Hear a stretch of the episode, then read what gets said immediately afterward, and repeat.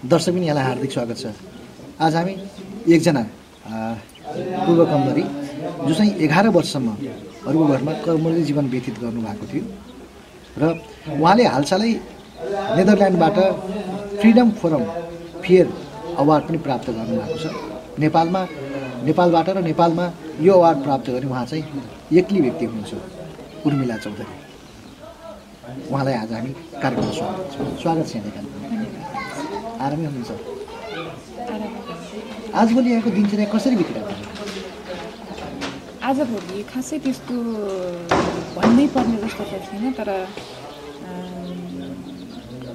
केही कार्यक्रमहरू अध्ययन गर्ने र त्यस्तो खासै चाहिँ छैन। के कार्यक्रममा जानुहुन्छ तपाईँहरू? कार्यक्रमहरू अहिले यसो हेऱ्यो भने हाम्रो तिन तहको सरकार भयो है।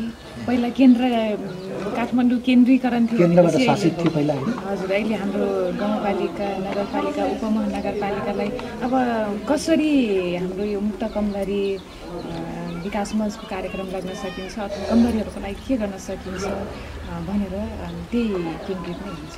के छ अहिले? स्थानीय तहसँग यहाँको सहकार्य समन्वय अथवा मुक्त कमलरी बालबालिकाहरूको अवस्था के छ? के भइरहेको छ अहिले? सरकारले कतिको सघाइरहेको छ अहिले सरकारले नसघाएको भन्नु है सरकारले सघाएको भन्नुपर्छ किनभने दुई हजार सत्तरी सालमा सरकारले नै कमलरी घोषणा गर्यो। अनि त्यसपछि अहिले प्रत्येक वाडाहरूले नगरपालिका उपमहानगरपालिकाहरूले है कमलरीलाई पनि केही बजेट छुट्याउनुपर्छ है भनेर उहाँहरूको बजेटभित्र हामी पर्न थालेको थियौँ। हिजोको दिनमा कमलरी छन् र भनेर गर्न पनि हुन्थेन तर अहिले हामी बजेटभित्र परेको। तर कतिपयले के भन्छन् भन्दाखेरि होइन मुक्त कमलरीको बालबालिकालाई सरकारले पढ्नलाई छात्रावासको व्यवस्था त गरेको छ केही पैसा पनि दिएको छ। तर त्यो चाहिँ पर्याप्त छैन पुग्छ। उनीहरूलाई गाह्रो छ पढ्न पनि भन्ने कुरा गर्छन्। त्यो एकदमै हो तर यो मुक्त कमलरी छात्रावास जुन कुरा आयो नि यो सरकारले उपलब्ध गराएको होइन क्लियर हुनुपर्छ। यो हामी मुक्त कमलरी सुरुवात गर्दै जाँदाखेरि हामी यस्तो निकृष्ट खालको बाल बालिकाहरू भेट्यौँ। त्यतिखेर जसको अभिभावक छ हामी उहाँ अभिभावक समक्ष पुऱ्यायौँ। तर अभिभावक नभएकोलाई हामी कहाँ राख्ने त? भन्दाखेरि यस्तो बिहान के खाने साँझ कहाँ सुत्ने है? त्यसको लागि यो सिरक नै निलो आकाश र ओछ्यान नै यो जमिन भयो कि? त्यस्तोलाई कहाँ राख्ने भन्दाखेरि हामी यो नर्तीमा छ एउटा लावजुनी छात्रावास भन्ने। त्यहाँ चाहिँ पहिला सडक बनाउँदाखेरि सडक विभागले बनाएको भवन जुन स्कुल सञ्चालित थियो हामी त्यो भवनलाई सञ्चालन ल्याएर त्यहाँ छात्रावास सुरुवात गऱ्यौँ अहिले त्यो भवन चाहिँ प्लान नेपालले बनाइदिनु भएको छ। र अहिले खाना बस्नको लागि चाहिँ यो छात्रवृत्ति स्वरूप चाहिँ सरकारको सहयोग छ। सरकारको सहयोग आधी म छ तर त्यो उनीहरूको शिक्षा दीक्षाको लागि कसले सहयोग छ छात्रावास सरकारले मात्रै कि त्यो बाहेक उनीहरूले अब सरसफाइको लागि आवश्यक सामग्री किन्नु पर्ने होला लत्ता कपडा लगाउनु पर्ने होला है अथवा जाँदा आउँदा भाडा पनि चाहिने होला। यो सब कहाँबाट प्रबन्ध गरिरहेको छ एकदमै अहिले चाहिँ विशेष गरेर अहिले चाहिँ सरकारले नै ध्यान दिइरहेको छ उहाँहरूलाई। जुन छात्रावासमा बै बस्ने बहिनीहरू हुनुहुन्छ उहाँहरूलाई शिक्षा दीक्षा अहिले सबै सरकारले नै गरिरहेको छ तर हाम्रो यसमा लडाइँ के छ भने हाम्रो बहिनीहरू बाह्रै महिना बस्नुहुन्छ छात्रावासमा तर त्यो छात्रावासमा छात्रवृत्ति चाहिँ दस महिनाको लागि मात्रै छुटिएको छ। हामी दुई महिनाको लागि कहाँ राख्ने त्यो बहिनीहरूलाई के खुवाउने कसरी बसाल्ने भन्ने चाहिँ हामीलाई एकदमै त्यहाँ चाहिँ ठुलो एउटा क्वेसन मार्क छ हामी मुक्त कमलरी गऱ्यौँ तर साँच्चै नै गऱ्यौँ त भन्ने किसिमको चाहिँ।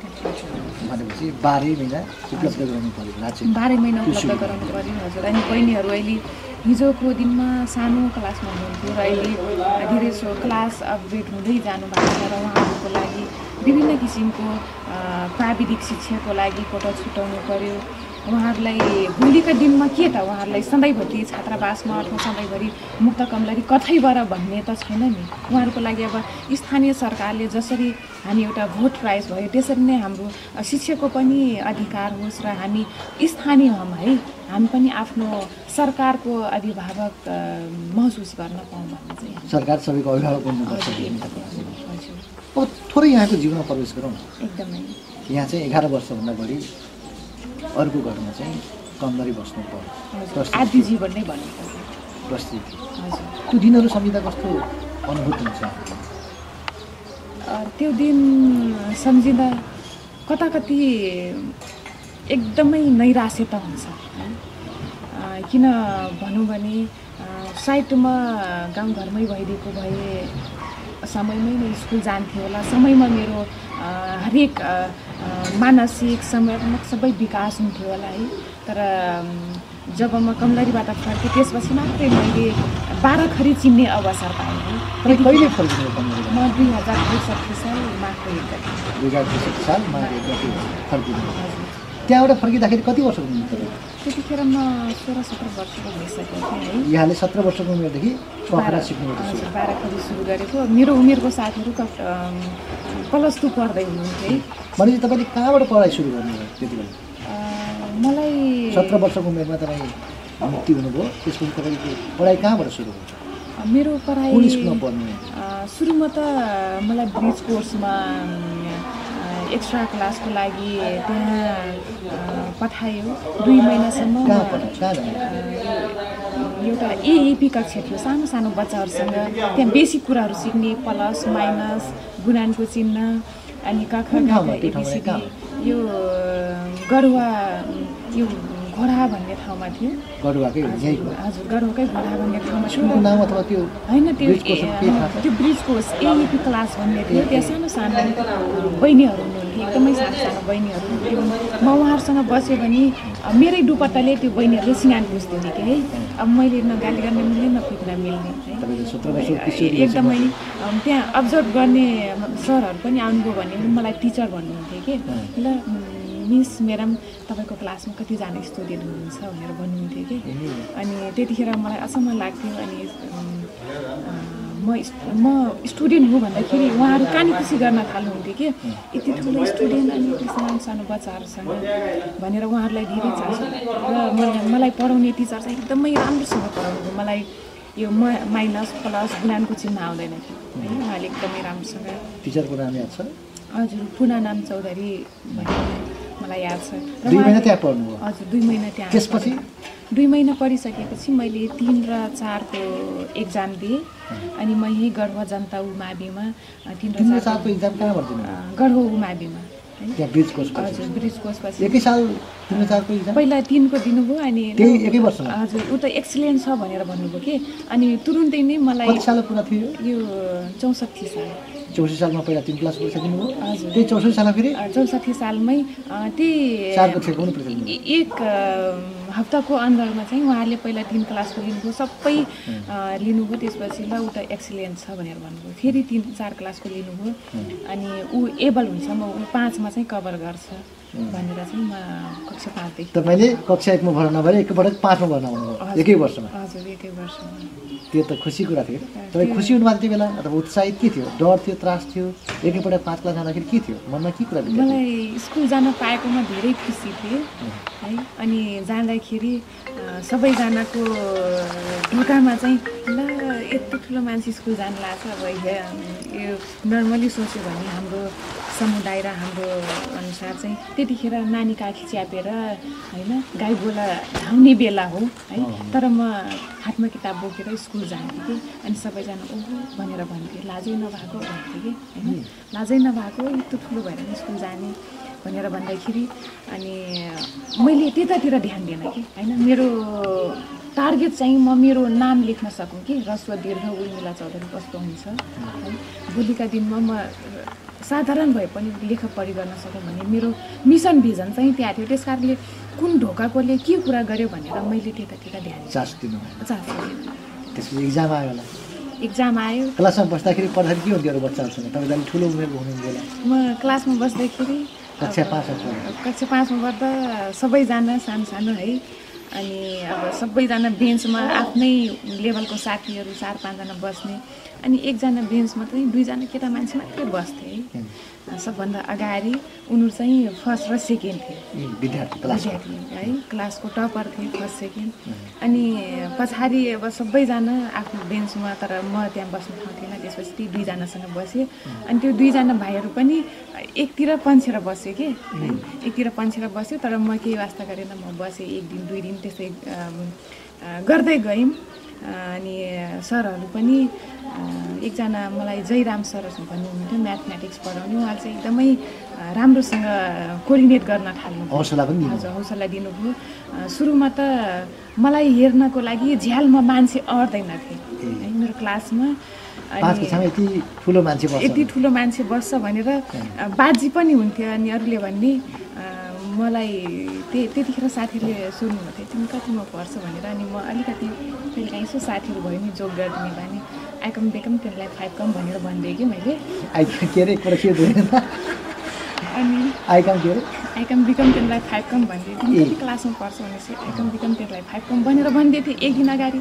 अनि त्यो दुईजना ग्रुपमा चाहिँ एकदमै कम्पिटिसन भइसक्यो। ऊ चाहिँ प्लस टूमा पढ्छु हिजो मलाई परिचय दिएको थियो तर आज स्कुल आएको छ भने होइन अर्कोले भने होइन ऊ पाँचमा पढ्छ भनेर। दुईजनामा एकदम कम्पिटिसन कि अनि मैले भने होइन मलाई अझै दसमा पुग्नु पाँच वर्ष लाग्छ। है भनेर मैले परिचय दिएको तपाईँको बुझाइ कम भयो भनेर त्यहाँ महिना दिनसम्म चाहिँ मलाई हेर्ने भिड थियो स्कुलमा। है छ्याबाट हेर्ने भिड थियो। अनि त्यो मेरो बेन्चको साथीहरू पनि बिस्तारै त्यो सानो सानो भाइहरू नजिक नजिक- बानी पर्नु हजुर, बानी पर्नु। अनि कतै कार्यक्रम भयो भने त्यहाँ अथवा वक्तित्व कलब भयो हाजिरी जवाब भयो कुनै किसिमको अथवा कविता गाना जे भए पनि अनि हामीले त्यो तिनजना चाहिँ भाग लिइहाल्यौँ। तिनजना भाग लिइहाल्ने अनि म चाहिँ ग्रुप लिडर हुनु ग्रुप लिडर हुन थालेँ आफ्नो क्लासमा।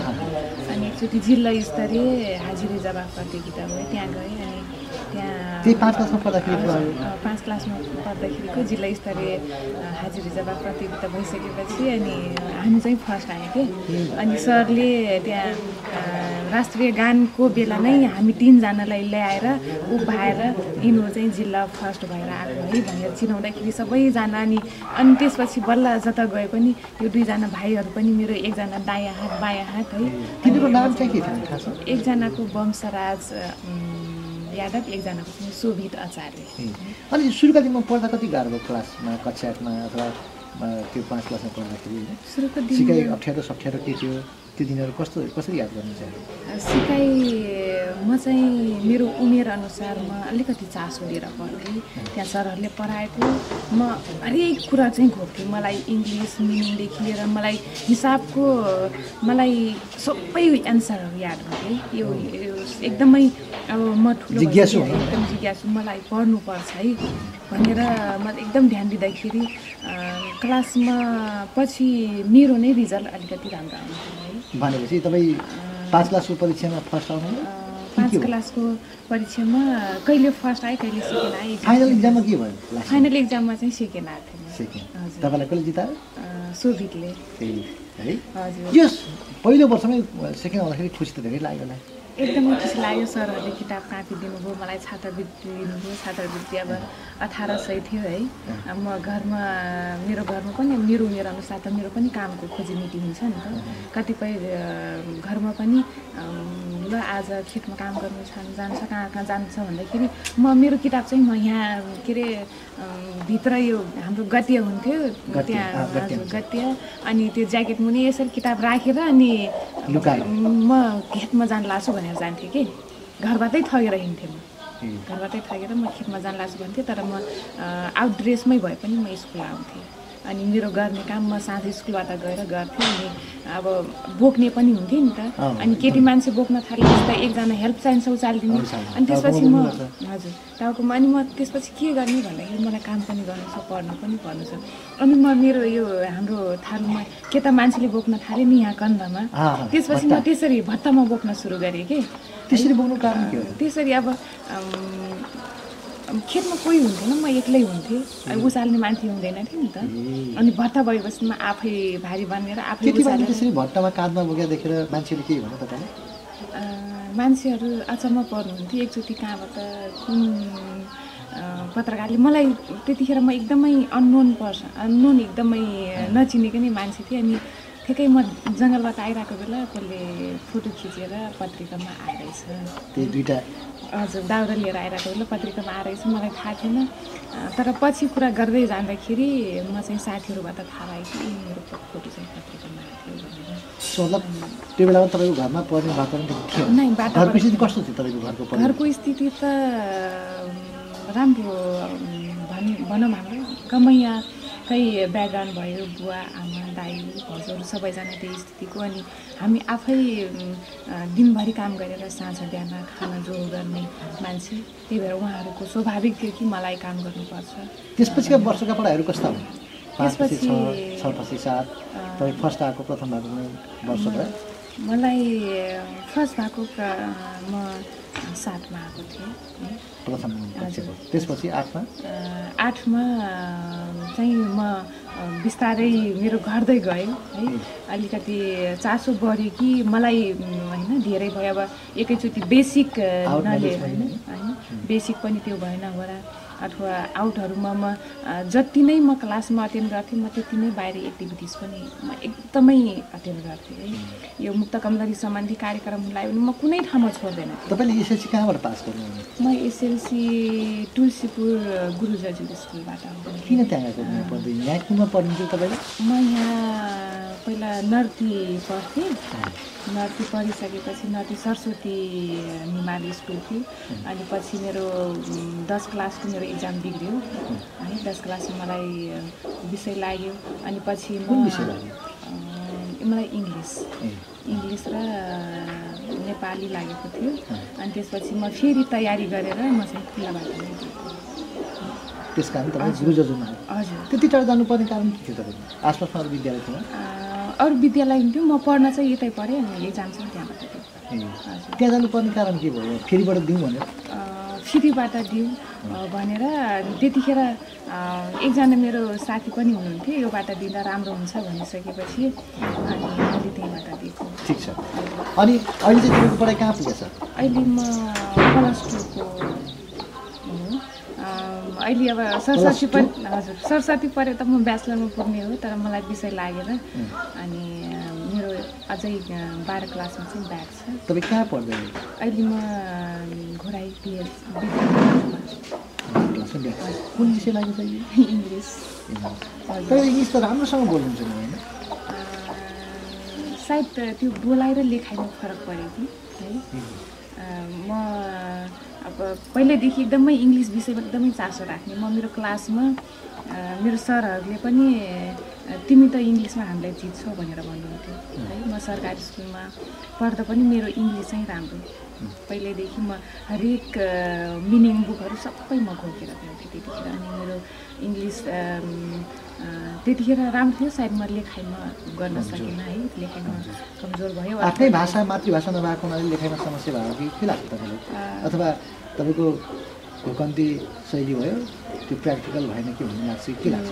मातृभाषाको कुरा हो भने अब म सानैमा आफ्नो मातृभाषादेखि टाढा भएँ होइन। मलाई आफ्नो मातृभाषा पनि बोल्न धेरै समय लाग्यो। म दुई तिन वर्षपछि मात्र म आफ्नो मातृभाषा चाहिँ थारू बोल्न थारू भाषा त्योभन्दा पहिला नै। कति वर्षको उमेरदेखि तपाईँ बस्नु म साढे पाँच लगभग मेरो दुधे दाँत पनि झरेको थिएन मलाई घरबाट पठाउनु मेरो दुधे दाँत पनि यहीँ झरेको थियो। अनि मलाई यो आनुस् जानुस् खानुस् पनि मलाई बोल्न आउँदैन थियो हजुर जिनाट गरी बक्सियोस् है। रासा म राने साप होइन मलाई त्यो भाषा मात्रै नि म यहाँ आउँदा पनि जोसँग पनि यसो लिसो न यसो दिइबक्सियोस् न यो सवारी बक्सियोस् न अनि मेरै भाषा बुझ्न यहाँ मलाई मेरो गाह्रो। भयो कि। हजुर इभन म नेपाली बोले पनि यो सवारी होस् आइसु गइसु भनेर भन्छन् तर सवारी होस् अनि लिइबक्सियोस् जिनार गरिबक्सियोस् स्नान गरिबक्सियोस् भन्ने त्यो त यहाँ यहाँको पनि बुझ्न गाह्रै हुन्छ। ठिक छ। तपाईँ कुन ठकुरी गएर बस्नु साढे पाँच हुँदाखेरि म? राधाको ए साहा र कहाँ कुन ठाउँ? काठमाडौँमा। म दुईवटा घरमा बसेको। काठमाडौँ कुन ठाउँ? काठमाडौँको सामाकोशी केशव शाह भन्ने भन्ने हुनुहुन्थ्यो। अनि पछि जावलाखेलमा चाहिँ दुर्गा हुन्थ्यो यहाँको मान्छे कसरी काठमाडौँ तपाईँ? त्यो अब मेरो दिदी पनि पहिला वर्षको तिन सयमा काम गर्नुहुन्थ्यो है। अनि मेरो दिदीले गर्दाखेरि मेरो दिदीको मालिकहरूबाट चिनजान ल उसको अब दिदी अब बहिनी छ है। भन्दाखेरि अनि एकजना यहीँ घोराइको एकजनाको विवाह मिलायो अब विवाहमा त छोरीको काम गरिदिनु पर्ने हुन्छ नि। अनि विवाह छोरीको विवाह गर्ने बेला मलाई पनि सँगसँगै दाइ जसो काम गर्न गयो कसको विवाह थियो मलाई याद छैन। त्यसरी याद छैन तर छोरीको चाहिँ काम गरिनुपर्छ भनेर ओहो छोरीको पहिला सँगसँगै दाइजो पठाइदिने। चलन थियो। भनेपछि तपाईँ पाँच वर्ष त्यति वर्ष काम गर्दाखेरि वार्षिक कति दिन्थ्यो तपाईँलाई ज्यान? वार्षिक हाम्रो बुवा बिरामी हुनुहुन्थ्यो अनि पैसा दिने कुरा त भयो यता हजार पन्ध्र सय कति दिने हो तर मलाई चाहिँ पढाइदिने थियो भनेपछि पाँच वर्षको उमेरमा काम गर्न जाँदाखेरि तपाईँले के पाउनुभयो? त्यहाँ के थियो? तपाईँलाई कस्तो दुःख अप्ठ्यारो के हुन्थ्यो कि के थियो? त्यतिखेर त मलाई रमाइलो लाग्थ्यो अँ, एकदमै रमाइलो लाग्थ्यो किन? किन भन्दाखेरि छुट्टिनु परेको? बाबाआमासँग छुट्टिनु परेको त्यो पीडा त होइन त्यो पीडा बोध गर्ने उमेर नै थिएन कि मेरो। म बाबाआमासँग छुट्टिनु लाग्छ मेरो पीडा बोध गर्ने मेरो उमेर थिएन। अनि मलाई लग्ने बेला पहिलोचोटि चप्पल ल्याइदियो है अनि फरक ल्याइदिएपछि म त्यसै फुरुङ्ग भएँ। त्योभन्दा पहिला चप्पल थिएन? त्योभन्दा पहिला नयाँ लुगा फरक कस्तो हुन्छ भन्ने पनि थाहा थिएन।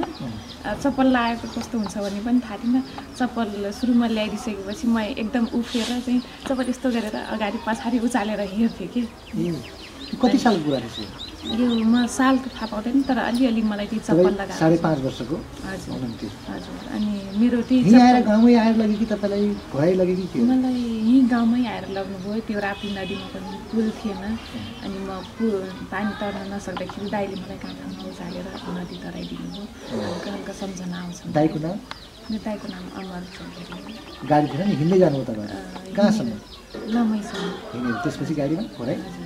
अनि यता त के पनि गाडी नदेखेको त्यहाँ बस देखिसकेपछि अब फरक भयो क्या त्यही भएर मलाई नै यो गाडीको नाममा केही पनि देखाएको थिएन। यो कता कति साइकल चाहिँ देखाएको थियो तर अहिले ट्र्याक्टर त्यो चार पाङ्रे त्यस्तो केही पनि देखाएको थिएन। कहिलेकाहीँ म राति तरेर दाइको काँधमा चढेर गएपछि। बल्ल थाहा बल्ल थाहा भयो कि ए बजार हुन्छ गाडी घोडा हुन्छ। त्यसपछि काठमाडौँ पुगिसकेपछि त ठुल्ठुलो घर देख्यो त्यो बस पार्क गर्यो मलाई त गन्ती पनि आउँदैन थियो नि त। वान टू एक दुई त दससम्म कमाइ मलाई यो आउँदा चाहिँ बिसवटा हुन्छ भन्ने चाहिँ थाहा थियो। है कफा पनि नजाने। केही पनि नजाने अनि। त रमाइलो लाग्थ्यो। पाँच साढे पाँच वर्षको उमेरमा त्यहाँ गर्नु भने। किन रमाइलो लाग्थ्यो? घरलाई घरको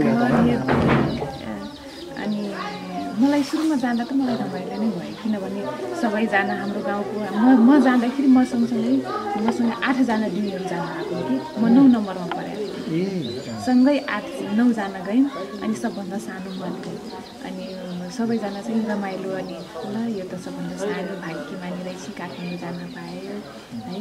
भनेर अनि अब घरको पनि म कान्छी छु सबैले जान पनि कान्छी है। अनि मलाई चाहिँ कतिखेर बोक्थेँ कतिखेर हिँडाउँथे दिदीहरूले। त्यसरी लग्नुभयो अनि काठमाडौँ त एकदमै ठुलो सहर हुन्छ अनि यसो बाटोमा हुन्छ भनेर कुरा गर्नुहुन्थ्यो दिदीहरूले। अनि त्यही भएर मलाई रमाइलो लाग्थ्यो कि? अनि त्यसपछि गएँ। तपाईँ घरमा परिवारमा कतिजना सन्तानहरू तपाईँहरू? भाइ बहिनी कति हो? हामी चारजना भाइ हुनुहुन्छ तिनजनालाई एकजना भाइ अनि दुईवटा दिदी अनि हामी सातजना भाइ बहिनी अहिले उहाँहरू के गर्नुहुन्छ सबै आफ्नो पेसा सबै खेती किसानी? आफ्नै खेती किसानी छ जग्गा जमिन कति छ जग्गा पहिला कति थियो अहिले केही जोड्नु कि तपाईँ के गर्नु नै पहिला पनि थिएन अहिले पनि छैन यो कमैयाबाट चाहिँ यो ऐलानी कति कति अम, रातो पहेँलो कुन कुन कार्ड दिने हुन्छ त्यो कमैयाबाट दिएको त्यसरी छ खै कति कति छ त्यो थाहा छैन त्यो कमैया भूमि सुधारबाट जति नै छ ठिक छ। यति ठ्याक्कै आफ्नो। भन्ने पहिलोपटक त्यहाँ जमिनदार घरमा बस्दाखेरि साढे पाँच वर्ष उमेरमा त्यहाँ दिदी गाउँका दिदीबहिनी पनि फर्के भयो एक्लै बस्नु पऱ्यो केही काम गर्नु पऱ्यो त्यो त्यो त्यो पलको तपाईँले याद गर्नुहुन्छ। कसरी याद गर्नुहुन्छ? लमैसँग हामी सँगै थियौँ घोराइसँग सँगै भयौँ। अनि घोराइपछि सबैजना आ आफ्नो कोही कता बस। त्यसपछि मालिक घरमा पुगेपछि कस्तो लाग्यो सबै फरक पाएँ म आफ्नो भाषादेखि सबै खानेकुरा हरेक किसिमको फरक कुरा पाएँ। अब मलाई त आफ्नै भाषा हो नि त्यहाँ बोल्न आउँदैन थियो अनि सुरुमा जाँदाखेरि चिया दिन पठाएन। अनि राजा चिया लिबक्छु भन्नु पर्ने अनि राजा तैँले चिया खा भनेर भन्नु तैँले चिया चिया खान्छस् भनेर भन्नु अनि भाँडा कतिखेर माने भन्दाखेरि अ, माझी राछु यति मात्रै भने त्यो माझी राछु भनेको मलाई त्यो अर्थ पनि थाहा थिएन। त्यो गर्दाखेरि मलाई भाषाले गर्दा खानाले गर्दा एकदमै गाह्रो भयो। पहिलो जति दिन बित्दै गयो त्यसपछि मलाई यहाँबाट जान त एकदमै रमाइलो गयो किनभने नौजनासँगै गएको थियौँ त्यतिखेर त एकदमै रमाइलो काम मेला घुम्न जाँदा एकदम रमाइलो गरी गएँ। आफ्नो अब अगाडि पछाडि फरक हेर्दै चप्पल उचाल्दै है त्यो मेरो फरक थियो। अनि त्यहाँ काम गर्न गइसकेपछि अनि मेरो कामको जिम्मेवारी आयो यहाँ त आफ्नो ठाउँ पनि नमाज्ने त्यहाँ गइसकेपछि बाह्र तेह्रजना परिवार हुन्थ्यो सबै खाएको खाना मार्दाखेरि बिहानै त्यति जाडोमा उठेर पोछा लाउँदा त्यो बच्चाहरूलाई स्कुल तयार पारेर स्कुल ब्याग बोकेर उनीहरूलाई स्कुल गेटसम्म पुर्याउँदा मै स्कुलमा जाँदाखेरि मलाई त्यहाँदेखि पीडा हुन थाल्यो कति वर्ष बस्नु त्यो घरमा? कसको घरमा तपाईँ पहिला बस्नु किन? त्यहाँ के सक्छ कुन ठाउँले कति वर्ष बस्नु त्यहाँ भनेपछि तपाईँ आफूलाई पढाउने भनेर लगाएको थिएँ? तर पढाएन बच्चाहरू नानी चाहिँ मभन्दा सानो तर बाबु चाहिँ मभन्दा ठुलो अनि उनीहरू दिन दिनै पढेर उनीहरू होइन उनीहरू जति उ- म हामी सँगसँगै तिनजना ठुलो हुन अनि उनीहरू चाहिँ उनीहरूको ब्याग बोकेर स्कुल जाँदाखेरि म चाहिँ किन पढ्न पाउँदैन भनेर मलाई प्रश्न आउँथ्यो।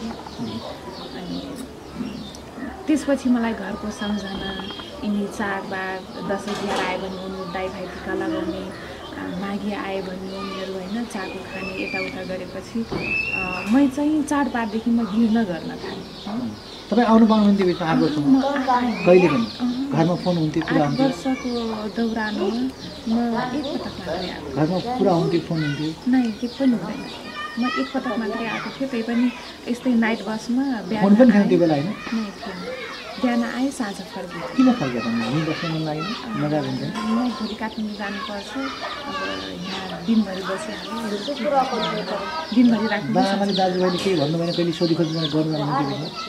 अब त्यति सोधी खोजी गर्ने उहाँहरूको क्षमता अथवा त्यतिखेरसम्म जनचेतना भइदिएको भए सायद मलाई कमलाई परिवारको स्थिति पनि त्यस्तै बुवा पनि पहिलेदेखिको ठिक छ आठ वर्ष त्यो साथी घरमा बस्दाखेरि यहाँ माथि भएका राम्रा नराम्रा दुर्व्यवहार त्यस्तो केही छ? ज्ञानी सम्झना सम्झना स्मरण भनेको दिमागमा बसेका त्यस्तो केही छन्? राम्रो नराम्रो कुरा गर्नुपर्दाखेरि अब राम्रो भन्ने पक्ष त एकदमै कम हुन्छ है। कमलरी बस्दाखेरि हामी एकदमै केलाउनु पर्ने हुन्छ सम्झिनु पर्ने हुन्छ। राम्रो भएको है। भन्दाखेरि त्यो सम्झिनु पर्ने हुन्छ। तर नराम्रो भन्दाखेरि धेरै हामी दिनदिनै सेकेन्ड सेकेन्डमा मेरो नाम उर्मिला थियो तर मेरो नामै परिवर्तन नै थरोली है। मेरो त्यहीँदेखि नै मेरो नामदेखि नै म चाहिँ एकदमै के अरे अपहेलित चाहिँ हुन थालेँ। त्यसपछि त्यो खाँदाखेरि मालिकहरूले भन्थे मालिकनीले भन्थे अथवा तपाईँसँगै उमेर भएका तिमी तिनका छोराछोरी पनि सब। सबैजना। सबैले अनि मेरो नाम त थियो नि, मेरो नाम हुँदा हुँदा भन्छ भनेर मलाई त्यो एकदमै नराम्रो हुन्थ्यो अनि यता जाँदाखेरि मेरो भाउजूले चाहिँ के भन्नुभएको भने मालिककोसँग मुखमुखै लाग्नु होइन काम गर्नु जे भने पनि चुप्प लाग्नु भनेर सिकाउनु भएको थियो कि अनि जति जे भने पनि म चाहिँ एकदमै चुप्प लाग्यो। अनि थरुनी भने पनि हजुर भनेर भन्थेँ मालिकनी व्यवहार कस्तो? व्यवहार त उहाँहरूको तर्फ त राम्रै थियो होला है। तर मेरो उमेर अनुसार चाहिँ मलाई चाहिँ राम्रो लाग्यो। अनि त्यो छोराछोरीको व्यवहार सँगसँगै एउटै उमेरका थियौँ भन्नुभयो। उहाँहरूको समान व्यवहार थियो कि कस्तो थियो? नै म उहाँहरू बिहान उठेर म उहाँहरूको लागि दुध लिन जान्थेँ। दुध ल्याएर तताएर उहाँहरूलाई ओछ्यानमै खान खुवाउँथेँ। तर मेरो लागि कालो चिया हुन्थ्यो है खाना हुन्थ्यो? समान हुन्थ्यो नै खाना समान हुन्थ्यो। फरक हुन्थ्यो। तपाईँ आफै पकाउनु पर्ने होला खाना? मलाई खाना उहाँहरूले नै पकाउनु हुन्थ्यो। तर मेरो लागि छुट्टै पाक्छ कस्तो खाना? तपाईँको लागि कस्तो पाक्नु उहाँहरूको लागि? मसिनो चामल पाक्छ मेरो लागि तपाईँ एक्लै पाक्नु। अरू त्यो बाहेक के व्यवहार छ त्यो तपाईँ अँ, त्यसपछि चाडबाड आयो भने उहाँहरू सबैजना रमाइलो गर्नुहुन्थ्यो। मलाई कामको चाहिन्थ्यो है त्यही भएर चाडबाडमा आयो हुन्थ्यो भन्थ्यो कि म। दसैँ तिहार माघी हामीलाई आयो भने त म यो भगवान् यो चाडबाड आउँछ। अनि केही कतै के भयो भने अब उहाँहरू नयाँ लुगा लगाएर मलाई कस्तो देखेछ भन्दाखेरि पुरानो लुगामा दिने त्यो एकदमै त्यो कति दिन्थ्यो वार्षिक तपाईँलाई आफ्नो पैसा पाएँ कति लग्यो त्यो पैसा उहाँहरूले भन्नुहुन्थ्यो तिम्रो दाइले लग्नुहुन्छ भनेर भन्नुहुन्थ्यो। अनि ठिकै छ त दाइले लग्नुहुन्छ। कति पैसा? महिना वर्षको चार हजार दिन्छु भन्नुभएको थियो। अनि पछि अहिलेसम्म म दाइसँग कुरा गर्छु। मेरो तलबले के गर्नु हो? कमसेकम एउटा तिन हालेको घर त घर बढाउनु पर्ने। भनेर भन्छु कि म आज भोलि दाइलाई दाइले भन्नुहुन्थ्यो अँ त्यतिखेर तिमीलाई चाहिँ अनि अब बहिनीले पैसा राख्ने भनेर मलाई भन्नुहुन्छ। त्यसको मतलब उहाँले चाहिँ दाइले लगाउनुहुन्छ भनेर भन्नुहुन्थ्यो। तर मेरो दाइले पनि नदिने अनि मेरो दाइले चाहिँ बहिनीले राख्छ पैसा भनेपछि पछि त्यो सागको घर छोड्नुपर्ने परिस्थिति कसरी आयो? सागको घर त्यहाँ मैले अन्त तपाईँलाई सोध्न छोडाएँ। तपाईँलाई भन्न अप्ठ्यारो लाग्यो भने। त्यहाँ तपाईँले माथि केही दुर्व्यवहार भएको त्यस्तो नराम्रो केही छ? दुर्व्यवहार त्यसरी त भएन। तर त्यो ठुलो परिवार हुँदाखेरि कहिलेकाहीँ उहाँहरूको झगडामा म मुछिन्थेँ है। उहाँहरूको झगडामा मुछिन्थेँ कहिले श्रीमानले भन्ने चुरोट किन्न जा श्रीमतीले भन्ने नजा है। अनि म श्रीमानको कुरा माने कि श्रीमतीको कुरा माने श्रीमानले भन्छ त गएन भने म पिर्छु। श्रीमतीले भन्छ त गइस् भने म पिर्छु। अनि मलाई त अभियसली केटी मान्छे भन्दा केटी मान्छेसँग नै डर लाग्ने भयो है। अनि म के अरे चुरोट किन्न जान्थेँ अनि फेरि यता श्रीमती मैले तँलाई के भने भनेर फेरि मलाई हजुर टर्चर अनि एकचोटि चाहिँ गएन। अनि त्यसपछि मालिकले चाहिँ मलाई गएनस् भनेर पछाडिबाट यसरी ढकल्दाखेरि म लोटेँ कि अनि लोट्दाखेरि मेरो त्यहाँदेखि चाहिँ मेरो छाती दुख्नु सुरु भयो कि। अहिलेसम्म पनि दुख्छ अनि एकपटक चाहिँ यसो तातो पानी तताउने बेला अब एकजनाले भने ग्यास सकिन्छ नतताउ अर्कोले भन्ने होइन जाडो छ तातो पानीले लगाउँछु भन्दाखेरि। अनि उनीहरूले ग्यास निभाउने निभाउने गरे। अनि उनीहरूको परिवारको झगडा पछि लास्टमा मलाई ए बुढी मलाई ग्यास गरेर निभाउ त भन्दाखेरि मैले ग्यास निभाइदिएँ। किन ग्यास निभाइस् त भन्दाखेरि तातो पानी चाहिँ म माथि खनाइदिएँ है। त्यही घरको मान्छेले। मालिकले मालिकले। अनि त्यहाँको त्यतिखेर मेरो हातमा फोका चाहिँ परेको थियो अलिकति चिन्ह चाहिँ अहिलेसम्म पनि छ। है दुर्व्यवहार भन्दाखेरि त्यही उहाँहरूको झगडामा चाहिँ म म एकदमै मुसिन्थेँ किन छोड्नु पर्यो त्यो घर सागको आठ वर्ष त्यो घर मैले छोडेको होइन। त्यतिखेर म छोड्छु म घर जान्छु म यो गर्छु भन्ने मलाई कुनै अधिकार थिएन। किन? अनि मलाई त्यो घरमा चाहिँ कसरी म त्यो घर छोडेँ भन्दा जुन घरमा म गएँ त्यो चाहिँ मेरो मालिनीको फुपू हुनुहुन्थ्यो अनि फुपू एक्लै हुनुहुन्छ। कसको घर थियो त्यो? त्यो दुर्गा ए, कुन ठाउँमा? अनि मेरो फुपूको घर हो मेरो फुपू एक्लै हुनुहुन्छ। अब चाहिँ म हामी धेरै परिवार छ। मेरो छोराछोरी पनि ठुलो भइसक्यो। म आफै हेर्न सक्छु छोराछोरीलाई। अब चाहिँ फुपूको घर जानुपर्छ भनेदेखि मलाई आफ्नो फुपूको घर पठाइदिनु त्यसपछि सहज भयो अप्ठ्यारो भयो के भयो? अँ, त्यसपछि घर परिवर्तन भएपछि मलाई चाहिँ गाह्रो भयो। किन? पुरानो घरमा हुँदाखेरि म बाहिर निस्केर तरकारी किन्न जान्थेँ बच्चाहरूलाई स्कुल पुऱ्याउन जान्थेँ उनीहरूसँग हाँस्थेँ खेल्थेँ बोल्थेँ। तर फुपूको घर गए गइसकेपछि मलाई त्यो घरबाट बाहिर निस्किने अनुमति चाहिँ थिएन। गेट बन्द हुन्थ्यो। गेट बन्द हुन्थ्यो। त्यसपछि केही नै तरकारी पनि सबै त्यहाँको अरू नै काम गर्ने मान्छे थिए सबै तरकारीहरू यताउता सबै ल्याउने। अनि कुनै पनि काम गर्न यस्तो बाहिरको मान्छेहरूसँग बोल्न कोही पाहुनाहरू आयो भने पनि बोल्ने पर्मिसन नै किसिमको जेल जस्तै एक भन्नुहुन्छ नि साँच्चै भन्यो भने यो बैसठी त्रिसठीको आन्दोलन पनि त्यो घरको झ्यालबाट मैले हेर्थेँ सब जाने राजा बाई बाई जान्छ हाई हाई भनेर अहिलेसम्म त्यो नारा पनि मलाई याद छ है। सबजना पुरा त्यो जाउलाखिरको एकान्त कुना म जनता ओर्लेको बेला म अनि त्यो राणा घरमा तपाईँलाई पैसा दिएपछि? दिएन। त्यहाँ कति वर्ष? त्यहाँ आठ वर्ष हुनेपछि आठ तिन एघार। तिन वर्ष। त्यहाँबाट कसरी छुटकारा पाउनु कसरी आउनु तपाईँ? कसरी मुक्ति त्यहाँबाट छुटकारा पाउने त यो सङ्घ संस्थाको ठुलो हात छ। सङ्घ संस्थाको ठुलो हात छ। कुन संस्थाले यो एफएनसी भन्ने पहिला हुन्थ्यो अहिले नेपाली फाउन्डेसन भन्नुहुन्छ। उहाँले चाहिँ यो प्रत्येक घर घरबाट सर्वे गर्दाखेरि नाम लेख्दाखेरि त्यो लिस्टमा मेरो पनि नाम गयो त्यो लिस्टमा नाम गएपछि हाम्रो घरको मान्छेलाई एकदमै प्रेसर जाँदो रहेछ छोरी बोलाऊ छोरी बोलाऊ तर छोरी कहाँ छ भन्ने थाहा छैन। त्योभन्दा अगाडि मेरो घरको मान्छेले मलाई धेरै खोज्नु अनि ल उर्मिला चाहिँ ठिक छ ऊ आउँछ भनेर भन्नु अनि पाँच सात वर्षसम्म नआउँदाखेरि मेरो घरको मान्छे हराइसक्यो भनेर माया मारिसक्नु भएको थियो। उहाँहरूले मलाई खोज्न पनि छोडिसक्नु भएको थियो। धेरै पटक घोराइ धाउनुभयो काठमाडौँ जानुभयो फोन गर्नुभयो तर मलाई भेट्नु भएन। है? अनि कारण यो जो मान्छेले पठायो ऊ मान्छेले भन्छ एकदम सुरक्षित छ मेरो दिदीको घरमा छ। अनि दिदीको घरमा फोन गर्दाखेरि दिदीले मेरो घरमा काम गर्ने मान्छे छैन भन्दाखेरि म चाहिँ घरको मान्छेले माया मारिसकेको मान्छे। अनि पछि यो त्रिसठी सालमा यो काठमाडौँमा कमुनियाहरू आन्दोलन गर्न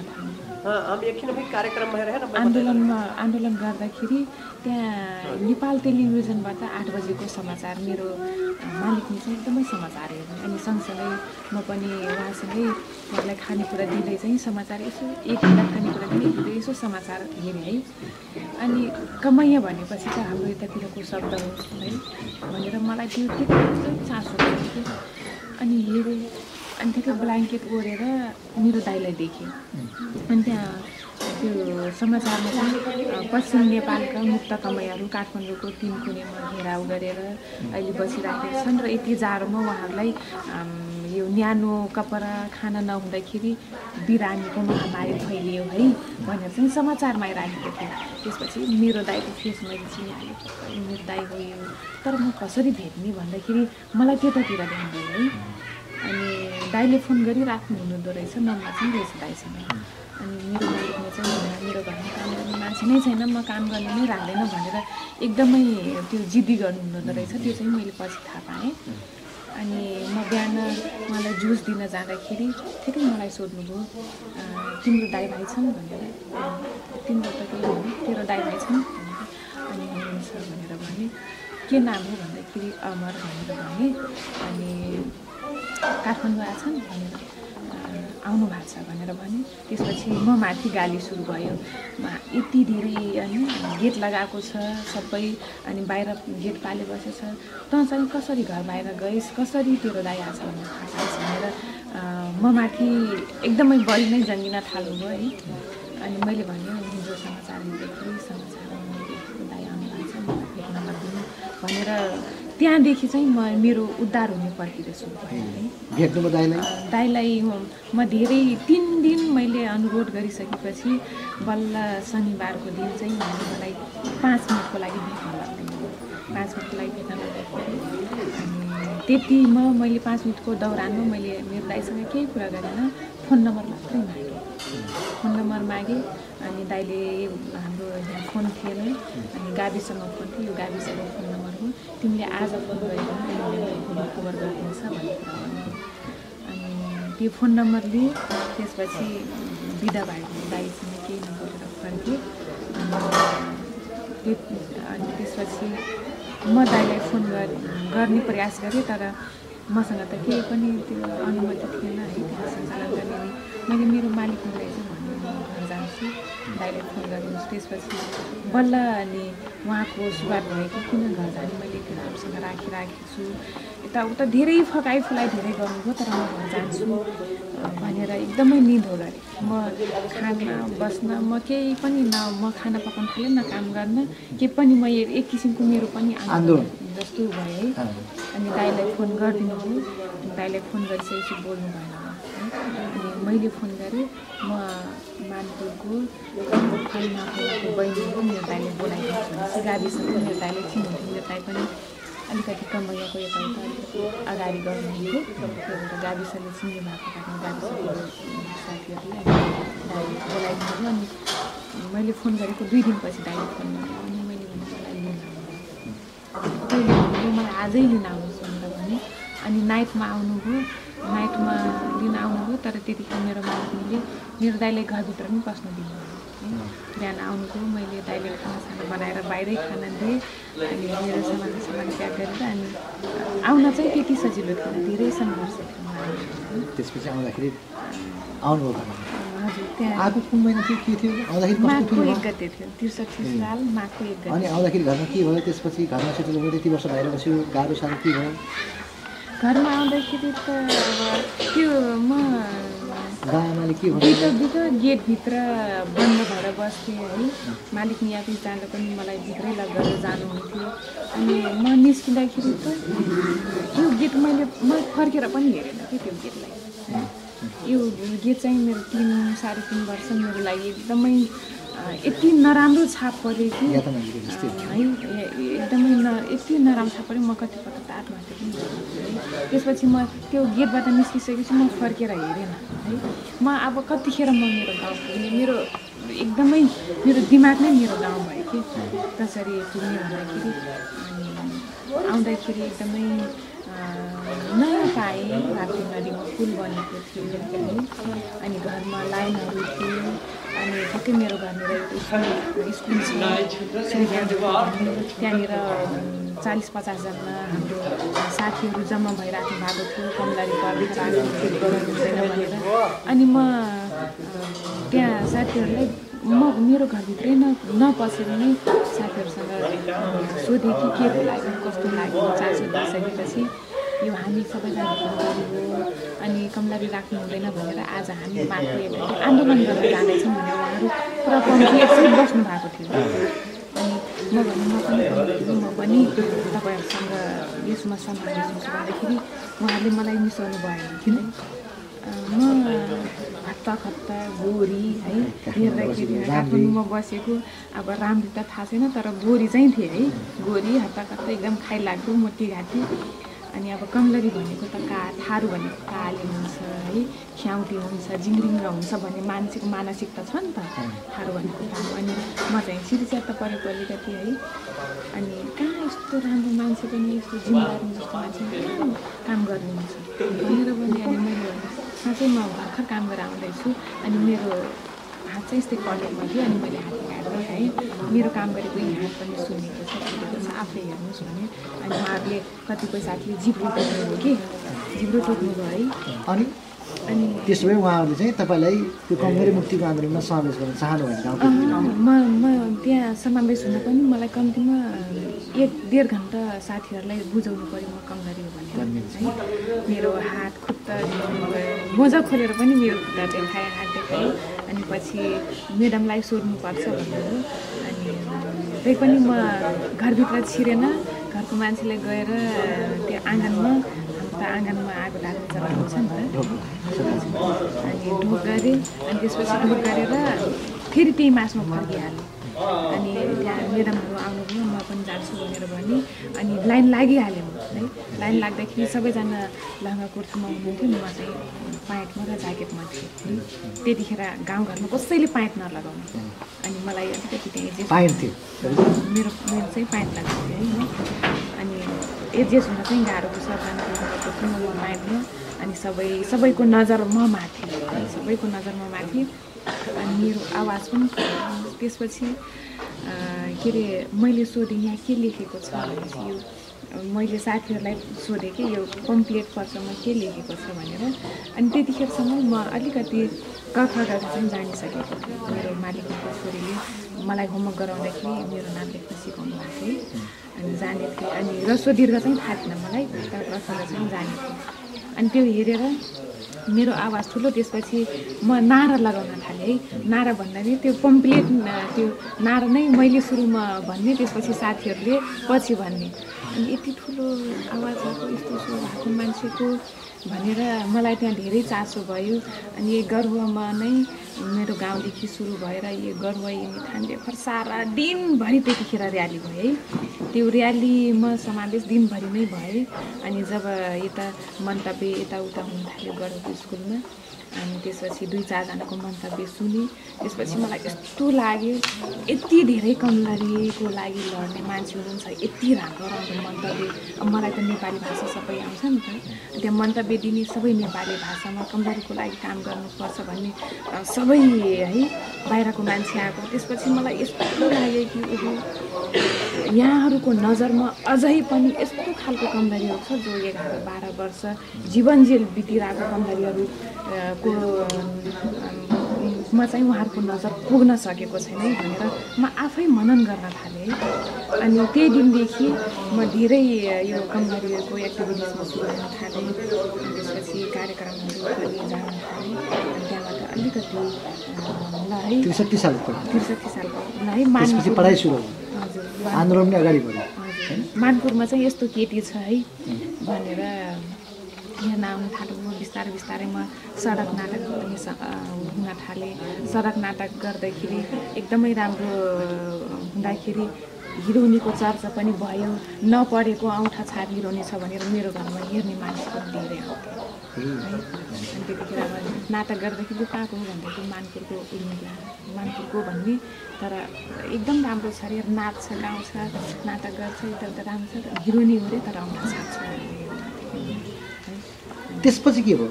अब त्यो पहिलाको थरुनी अर्का घरमा बस्दा आज उर्मिला। त्यो थर उर्मिलाको नेम एन्ड फेम चाहिँ लगभग नेपालमा चाहिँ विश्वमा भएको छ। कसरी यहाँसम्म पुग्यो आइपुग्यो उर्मिला? र अब अबका लक्ष्य के छ? नेम र फेम आउनेमा चाहिँ मेरो आफ्नो पनि प्रयास छ। मैले पनि प्रयास गरेँ पनि तर त्यो प्रयासमा अझ उत्साह थपिदिने चाहिँ मलाई यो हाम्रो नेपाली फाउन्डेसनको नन्दहरू छेत्री सर हुनुहुन्छ पहिलो मैले नाम लिँदाखेरि है उहाँसँग भेट्दाखेरि र यो जुन मलाई पढाउने शिक्षकहरू हुनुहुन्छ र हरेक यसरी कुनै कार्यक्रममा जाँदाखेरि मेरो थोरै भए पनि मेरो मन्तव्यलाई कोट गरेर लेखिदिने जुन यो पत्रकार मार्फत जुन मेरो स्टोरीहरू उजागर गरिदिनु हुनुहुन्छ म उहाँ चाहिँ उहाँप्रति एकदमै देश विदेशमा सम्पर्क कसरी स्थापित देश विदेशमा मेरो सुरुमा यो पैँसठी सालमा एउटा पत्रिकामा लेखेको त्यो नर्वेको पत्रिकामा सायद। नर्वेको पत्रिकामा त्यो मेरो स्टोरी आइसकेपछि त्यसले चाहिँ युरोपभरि नै चासो के त्यो म पहिला फोटो पत्रकारको तालिम पनि लिएको थिएँ। मलाई फोटो यो क्यामेरा चलाउने एकदमै रहर र चासो मुक्ति मुक्ति भइसकेपछि म दस बाह्र दिनको मैले तालिम है। अनि मैले स्टुडियो पनि खोलेको photo studio Pancharatna Pancharatna photo studio भनेर हामी पाँचजना साथी लिएर खोलेको थियौँ। अनि त्यो स्टुडियोमा चाहिँ एकजना विदेशी आउनु भएको थियो र उहाँले मलाई थाहा थिएन मलाई माइनेमी छोरीलाई चौध थियो त्यहाँ गएको थिएँ अनि एकदमै राम्रोसँग उहाँले चाहिँ स्टोरी कभर गरिदिनु छ। अनि युरोपमा चाहिँ त्यसले अलि धेरै नै चासो देखायो अब पढ्ने मान्छेहरू। अनि त्यसपछि यो कहाँको हो, कस्तो भनेर मान्छेहरूको खोजी के निस्किरहेको सिस्टम? थाहा छ तपाईँको थाहा छ? शीर्षक त मलाई थाहा जे तपाईँ अङ्ग्रेजी चाहिँ कहाँबाट राम्रो भयो पछि चाहिँ अब चाहिँ विदेशीहरूसँग सम्पर्कले उनीहरूसँग नियमित बोल्दाखेरि तपाईँ राम्रोसँग इङ्ग्लिस बोल्न सिक्यो कि त्योभन्दा पहिले बोल्नुहुन्थ्यो तपाईँ म बोल्न त बोल्दैन थिएँ तर मेरो स्कुलमा इङ्ग्लिसमा तर्क छ भनेर म सबभन्दा चर्चित थिएँ तपाईँले इङ्ग्लिसको कुनै कक्षा लिनुभएको छ नै अरे? स्पोकन मैले मैले कक्षा? लिएको छैन तपाईँ देश विदेश जानुहुन्छ आफै बोल्दा पर्दाखेरि अप्ठ्यारो अथवा सबै कुरा बुझ्न सक्नु अथवा के छ? म त्यतिखेर नि बुझ्न सक्थेँ। अनि मेरो इङ्ग्लिसको कुरा गर्दा मेरो टिचर आफै पनि आएको अहिले त मजाले बोल्नुहुन्छ तपाईँ एक्लै पनि देश विदेश बोल्छु। कुनै ठाउँमा गयो भने मलाई भाषाको चाहिँ समस्या हुँदैन। म आफ्नो देशको बारेमा आफ्नो बारेमा चाहिँ म अङ्ग्रेजीमा राम्रोसँग नै सक्छु त्यति ग्रामर नमिला। पहिला पनि हिरोनी एउटा साथ तर अहिले परेको उर्मिला नेम फेम सहित उर्मिला जवान छ उर्मिलाले बिहा पनि त गर्दैन त्यतातिर कतै उमेर- छ? अनुसार त भइसकेको हो। होइन अब यो माया प्रेम भन्ने कुरा यो विपरीत मान्छेहरूसँग भइसकेको सामान्य हो एकदम सामान्य। त्यस्तो खासै त्यो विवाह खासै चासो छैन साथीहरू। अबको उद्देश्य के छ? अबको उद्देश्य त जसरी हजुरले उर्मिला नेम एन्ड फेम भन्नुहुन्थ्यो है। म कसैको छोरी भनेर चिनिन्थेँ आज उर्मिला उर्मिलाको भएर उर्मिलाको दाइ भनेर भन्नुहुन्छ अनि जसरी नेम फेम छ जसरी म जुन मेरो ब्याकग्राउन्ड यसलाई चाहिँ म आफै मात्रै नेम र फेम हुँदैन कि यो जति पनि मलाई ने- नेम नेम र फेम दिने व्यक्तित्वहरू होइन? र यो जुन कमलरी पर्ख छ यो चाहिँ सरकारले घोषणा गर्नु तर हाम्रो मन मस्तिष्क हाम्रो समाजबाट पनि घोषणा होस् कि होइन? कतै पनि ल आज ऊ चाहिँ कमलरीकोले आज घोषणा गरिसकेपछि पनि कतै झुन्डेको हामी घरमा होइन? ए, कमलरी झुन्डेर मरिरहेको छ भनेर अहिले पनि घटना कति आउँछ। ल यो ठाउँमा कमलरी छ मुक्त कमलरी विकास मञ्चले के गरिरहेछ भनेर हामीलाई प्रश्न आउँछ कि? तर त्यो प्रश्न चाहिँ अहिले हाम्रो स्थानीयदेखि लिएर हाम्रो होइन गाउँपालिका नगरपालिका सबैमा होस्। त्यो अझै पनि यो कमलरी अथवा थारू समुदायको लागिमा अझै केही गर्ने इच्छा छ? अझै पनि यो कमलरी पर्थ छ है भन्ने चाहिँ जुन मानसिकता छ नि यो सदाको लागि मेटाउने इच्छा छ। हजुर यो नियम र ठिक छ। तपाईँको पनि कुरा काट्नेहरू कुरा काट्छ तपाईँको आलोचना पनि गरिदिनु हुन्छ कुरा गरिदिनुहुन्छ हजुर। उर्मिला हिजो गाउँमा बस्ती मानपुरमा त्यो छोडी बजारमा बस्न थाली। गाउँका मान्छेमा चिन्दैन। देश विदेशका मान्छेहरू पनि छ अलिकति अब चाहिँ आफै सामन्ती भयो उसले आफ्नो पैसा सम्पत्ति जोडिसकेपछि उसले गाउँघरको मान्छेलाई हेला गर्छ होइन? सहरका मुकिला मान्छेलाई मात्रै भेट्छ एकदम त्यो कुरा काट्नु भनेको के हो भनेर मेरो बारेमा चासो दिने है। मलाई सकारात्मक सोच दिने। तपाईँ किन गाउँमा नबसेर बजारमा बस्यो? होइन म गाउँमा बस्छु है। म? म हप्ता दस दिन अगाडि पनि म मेरो घरमा बसेँ तिन दिन बसेँ अनि मेरो दाइ भाउजूसँग गएर हामी ठेक्कामा इँटा भट्टा इँटा भट्टाको काम गर्छौँ। म मेरो दाइ भाउजूसँग गएँ इँटा भट्टामा इँटा उठाउने लगाउने बिहान सात बजे हामी खाना लिएर उहीँ जान्थ्यौँ है खान्थ्यौँ। अनि उतै काम गर्ने। म मेरो घरको काम गर्छु उसले यो रोपाइको बेला भयो होइन अन्न बालीको बेला भयो। म सधैँ नै मेरो कस्तो जीवन भन्ने चाहनुहुन्छ बिहा गरेको अलिकति एउटा गाडी भइदियोस् अथवा अरू केही भइदियोस् बाबामा दाजुभाइलाई गाउँलाई पनि हेर्नु छ कि आफ्नो मात्रै जीवन हेर्नु छ के के गर्नु छ? जसरी खेम उर्मिला भयो त्यसरी जिम्मेवारी पनि थपिएको छ है। एक त मलाई यो कमलरी पर्थ हटाउने मात्रै ठुलो कुरा होइन है। यसलाई जरैदेखि हाम्रो समुदायदेखि कसरी त्यो मानसिकता नै कसरी त्यो हटाउने मेरो एउटा ठुलो जिम्मेवारी छ। र यो आफ्नो सुखी जीवनको कुरा गर्दाखेरि त अब जसले पनि चाहन्छ है। जसले पनि चाहन्छ है जसले पनि चाहन्छ। मलाई अब मेरो घर भइदियोस् भनेर जसको पनि चाहना हुन्छ म जान्छु यो पानी पऱ्यो भने मेरो बुवा आमा अहिलेसम्म पनि त्यो छाप्रोबाट पानी चुन्छ कि अनि छात। चुइने गर्छ त्यो छाता वरिपरि एकदम मलाई अहिले पनि पीडा हुन्छ कि? है? म मेरो बुवालाई मैले एउटा घर बनाएर राख्न पाएँ कति हुँदो है? कति हुँदो हो? म घोराइ भाडामा बस्ने कसरी जग्गा छ अरे तपाईँको खर्च? आएको के हो? कहाँबाट चलिरहेको छ? पढ्नु मेरो- त्यही हो। त्यहीबाट सपोर्ट छ? सपोर्ट मलाई यो पहिला चाहिँ एकजना मलाई जर्मन नागरिकले मलाई हरेक कुरा मलाई मेरो पढाइ मेरो खाना मेरो कोठा दिने सबै मलाई सहयोग गर्नुहुन्थ्यो है सबै उहाँले अहिले चाहिँ तिन वर्ष जति भयो उहाँले सहयोग गर्न छोडेको र अहिले केही केही कुरा चाहिँ अब मेरो आफ्नो बायोग्राफी पनि बनेको छ है। किताब लेखिएको छ।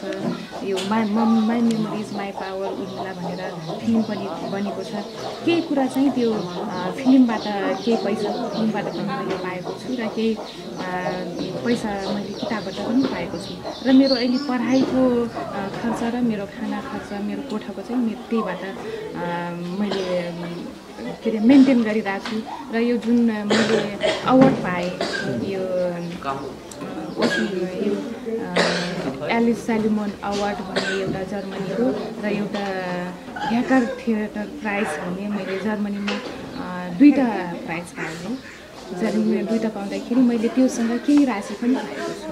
के हजुर केही राशि पनि पाएको छु र त्यो राशि पाए बापत मैले चार लाख चाहिँ हाम्रो मुक्त कमलारी विकास मञ्चलाई प्रदान गरेँ भनेपछि केही चाहिँ मैले आफ्नो जीवन खर्च चार लाख गरेपछि तपाईँसँग अझै पैसा त छ ब्यालेन्स। तपाईँले आफ्नो जिन्दगी राम्रोसँग चलाउनु सक्ने पैसा छ होइन तपाईँसँग? जग्गा जमिन केही किन्नु भएको छ भर्खर घर रेली अथवा त्यस त्यस्तो त छैन। पैसा ब्याङ्कमा ब्यालेन्स छ। ब्याङ्कमा ब्यालेन्स छ भन्दाखेरि तपाईँले पुरस्कार पाएको पैसा? मैले पुरस्कार पाएको केही राखेँ होइन? केही। राखेँ। दस पाएको मध्ये मैले चार ठिक छ। अनि त्यो फिल्म बनायो भने फिल्म बन्यो किताब लेख्यो भने कसले लेख्यो त्यो किताब कसले बनायो त्यो फिल्म आफै हो कि कसैले बनाइदियो हो कि किताब चाहिँ एकजना जर्मन नागरिक हुनुहुन्थ्यो नथाली स्वेगर उहाँ आउनुभयो मेरो घरमा तिन चार पटक आउनुभयो दस पन्ध्र दिन। म कसरी बस्छु? मेरो ओछ्यान कस्तो छ है? मेरो एकदमै राम्रो कलम छ कि? होइन? मेरो खरालको ओछ्यान छ कि मेरो हरेक कुरा उहाँले अध्ययन गर्नुभयो। मेरो खाने लाउने बस्ने काम म बिहान कतिखेर उठ्छु बाबा जान्छु कि स्कुल जान्छु होइन? होमवर्क गर्छु कि बच्चा खेलाउँछु। मेरो हरेक- हरेक कुरा उहाँले प्रत्येक पटक आए पनि दस पन्ध्र दिन दस पन्ध्र दिन बसेर अध्ययन गरेर एकदमै राम्रोसँग खेलाएर उहाँले मेरो बेचिएकी चेली नामक किताब लेख्नु भएको छ है। फिल्म चाहिँ त्यही किताब विमोचन गर्न जर्मनी गएको बेला डाइरेक्टरको नजरमा फेरि मेरो स्टोरी पढिसकेपछि उहाँ पनि पाँच वर्षसम्म मेरो जीवनको बारेमा अध्ययन गर्नु साँच्चै नै हुन्छ भन्दाखेरि उहाँ पाँच वर्षको अध्ययनपछि यो सुजान गुरुड भन्ने एकजना जर्मन नागरिकले चाहिँ Urmila my memories my power भन्ने फिल्म पनि बनाउनु र त्यो फिल्मले एकदमै विश्वव्यापी चर्चा पनि पायो काठमाडौँमा। सयौँ फिल्ममध्ये त्यो फिल्म नै सबभन्दा पहिलो भयो र अहिलेसम्म युएसएमा अस्ट्रेलियामा कता कता प्रदर्शन हुँदाखेरि अहिलेसम्म तिन चार पटक पुरस्कार त्योबाट कति पैसा त्यो पुरस्कारबाट त मलाई हुँदैन डाइरेक्टरलाई नै हुन्छ। त्यो फिल्मबाट अथवा किताबबाट? त्यो फिल्मबाट चाहिँ मलाई चार लाख जति दिनुभएको थियो। है मोटामोटी सबै गरेर। अनि किताबबाट चाहिँ मलाई यति दिन सुनाएँ कि अब दस हजारको बिक्री भयो भने हुन्छ अन्तिम प्रश्न। हजुर एकदमै। तपाईँले कसैलाई प्रपोज गर्नुभएको छ? अथवा तपाईँले कसैले प्रपोज गर्यो पर्पोज गर्ने गरेको छ त अहिलेसम्म मेरो चाहिँ पर्पोज गएको छैन तर मलाई चाहिँ पर्पोज आएको छ भन्नु तपाईँको हुनेवाला पति कस्तो हुनुपर्छ तपाईँको मेरो हुनेवाला पति मेरो कामलाई तपाईँकै जातको? न जात जुसुकै होस् मलाई जातसँग मलाई जातसँग मतलब होइन। मेरो कामलाई मेरो विगतलाई होइन बुझोस् है। म कतै जाँदैछु भनेपछि किन कहाँ कसो भन्ने प्रश्न भन्दा पनि ल यस्तो गर है। तिमी यो ठाउँमा जाँदो रहेछ यो चाहिँ गर्नुपर्छ। धनी गरिब मोटो कालो होचो अथवा पढे लेखेको नलेखेको कस्तो? त्यसमा क्वालिटी के छ? मेरो जीवन मलाई कालो गोरो धनी मोटो कालो आदर्श त जिन्दगी चल्दैन उसले पाल्नु नि त पर्ला धनी चाहिएला मान्छे चाहिएला फेरि त्यही पहिला हलो जोड्ने भए पनि हलो जोड्ने भए पनि दुई छाक खान पुगोस् होइन? उसले के अरे कबार बटुले पनि दुई छाक खान अनि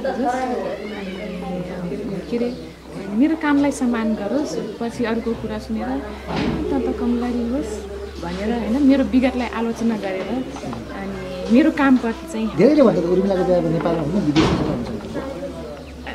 त्यो त मान्छेहरूको कुरा हो है। मैले नगर्नु भन्दैन मलाई देखिसकेपछि तपाईँको मनले के भन्छ? मेरो रहन हो। अहिलेसम्म चलेको त छैन है। मन नै चल्छ नै मनमनै पनि चलेको छैन। म विदेशीहरूलाई एकदमै सम्मान गर्छु। उहाँहरूको पर्पोज आए पनि म राम्रैसँग सम्मान गर्छु है। यसो सरसर्ती हेऱ्यो भने मेरो उठ बस हेर्दाखेरि पक्कै पनि धेरैको मलाई होइन धेरैले पनि भन्नुभएको छ ऊ नेपालमा बस्दैन भनेर है अनि म सायद नेपालमा नबस्ने भए अहिलेसम्म म गइसक्छु। म बाहिरै जान्थेँ यदि मेरो चासो तपाईँको हिँडी बस्ने चाहना त हिँडी गर्ने चाहना हजुर मेरो यहीँ अनि म युएसए जाँदा पनि सबैले ऊ फर्किँदैन भन्नुहुन्थ्यो। तर म फर्केँ। मेरो किनभने मलाई मेरै देशले नेम र फेम दिएको छ मेरै समाजले नेम र फेम दिएको छ। त्यस कारणले मेरो सकेसम्म त मेरो बसाइ त छ हेरौँ भविष्यमा के हुन्छ होइन? मेरो के लेखेको छ अहिलेसम्म भन्न सक्दैन। किन भाग्यमा विश्वास गर्नु चाहिँ गर्नु। मान्छेको भाग्य र कर्म दुइटै हुन्छ। हो। भनेपछि मैले यहाँलाई सोध्न केही छुट्याएँ यहाँलाई मैले सोध्न छुट्याएको भन्नु लाग्यो। छुट भन्न सोध्न केही छुटाउनु पाएको छैन। मैले भन्ने कुरा चाहिँ धेरै बाँकी छ है। मेरो मेरो एघार वर्षको अ, कालाकोठरीको जीवन र एघार वर्ष यो त्रिसठी सालको मेरो उज्यालो जीवनको बारेमा यति एकतिस बत्तिस वर्षको जीवन चाहिँ म एक घन्टामा व्याख्या गरेर पनि सक्दैन। नि। धेरै